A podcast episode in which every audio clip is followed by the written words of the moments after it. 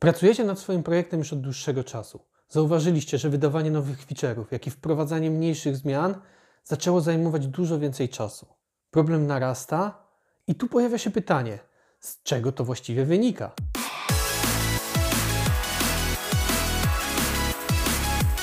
Każdy, kto jest związany z tworzeniem aplikacji, prędzej czy później spotka się z terminem długu technologicznego. Termin ten spędza sens powiek wszystkim menadżerom, stakeholderom, jak i deweloperom w projekcie. Zjawisko to niesie za sobą zarówno pozytywne, jak i negatywne efekty. Stosowanie pewnych skrótów i uproszczeń pozwala nam na to, żeby nasze pomysły szybciej wdrażać w życie i walidować je wśród naszych klientów. Natomiast jeżeli nie będziemy odpowiednio dbać o ten dług, może się to skończyć źle. Chociażby wprowadzanie nowych funkcji lub usprawnień może stać się bardzo drogie i czasochłonne. Z czego wynika taki stan rzeczy? Na początkowych fazach tworzenia produktu bardzo duży nacisk kładzie się na to, żeby jak najszybciej dostarczać nowe funkcjonalności. W związku z tym presja jest duża. Wszyscy członkowie zespołu robią co w ich mocy, żeby jak najszybciej dostarczyć wszystkie nowe funkcjonalności. Każdy ciśnie, robi co może.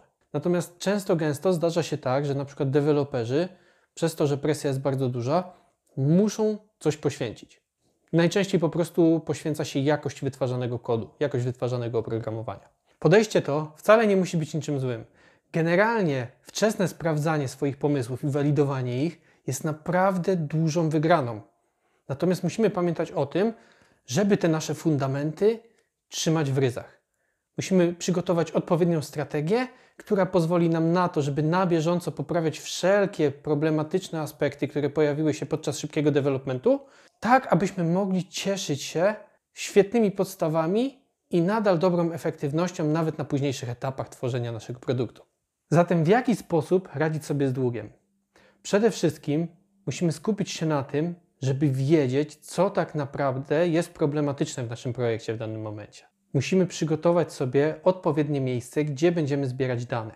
Najczęściej robi się to po prostu w oprogramowaniach do zarządzania projektem, takich jak Jira. Wrzucamy sobie w odpowiednie miejsce lub w odpowiednim statusie lub z odpowiednią labelką takie zadania, które opisują nam elementy wymagające poprawy w przyszłości.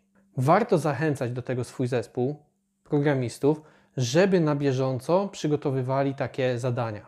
Bo kto lepiej zna projekt jak nie oni? Sami dobrze wiedzą, gdzie popełnili jakieś skróty, gdzie pozwolili na to, żeby jakość była nie najlepsza, celem szybszego dostarczenia oprogramowania, więc to oni są osobami, które są w stanie naprawdę świetnie poradzić sobie z dokumentowaniem tego, co wymaga naprawy.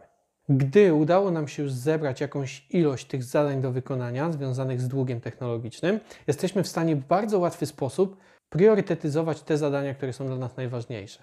Przede wszystkim powinniśmy skupiać się na elementach, które są najważniejsze z punktu widzenia użytkownika.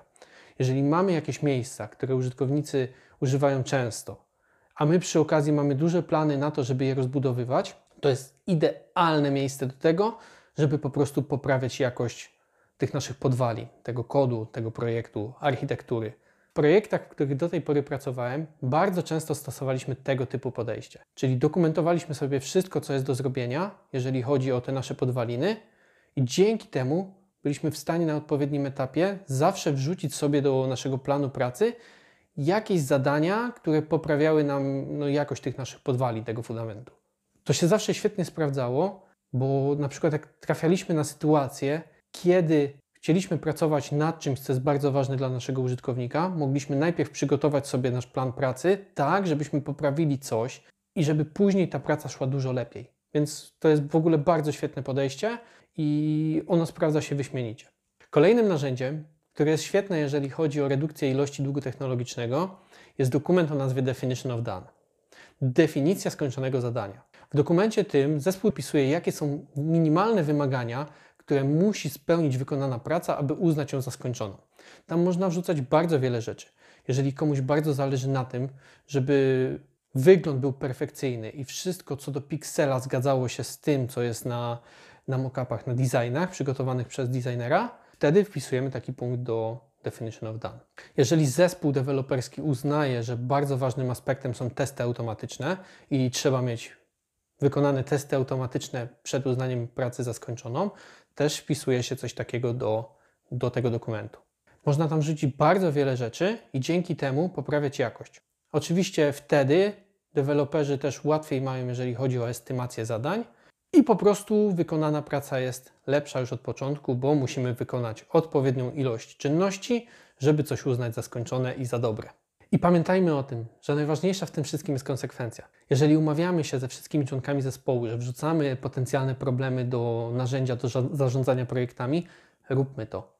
Jeżeli umawiamy się na to, że będziemy korzystać z Definition of Done, także to róbmy. Stosujmy się do wszystkich punktów, które są tam zawarte. Jeżeli będziemy konsekwentni, możemy być bardziej niż pewni, że nasz projekt będzie utrzymywał poziom długu technologicznego na odpowiednim poziomie, takim, który pozwoli nam rozwijać go i nie cierpieć z tytułu tego, że coś zaczyna trwać strasznie długo.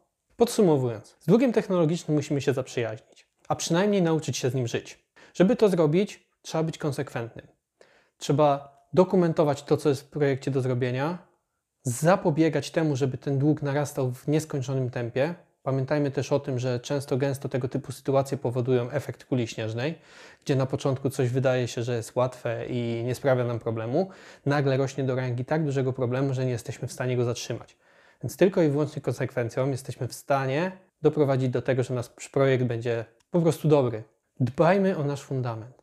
Jeżeli będziemy adresować wszystkie problemy, które powstają, dbać o to, żeby wszystko to, co wymaga poprawy, było poprawiane, możemy być bardziej niż pewni, że przez długi czas projekt będzie szedł bardzo dobrze i nie będziemy napotykać takich sytuacji, że coś będzie trwało w nieskończoność.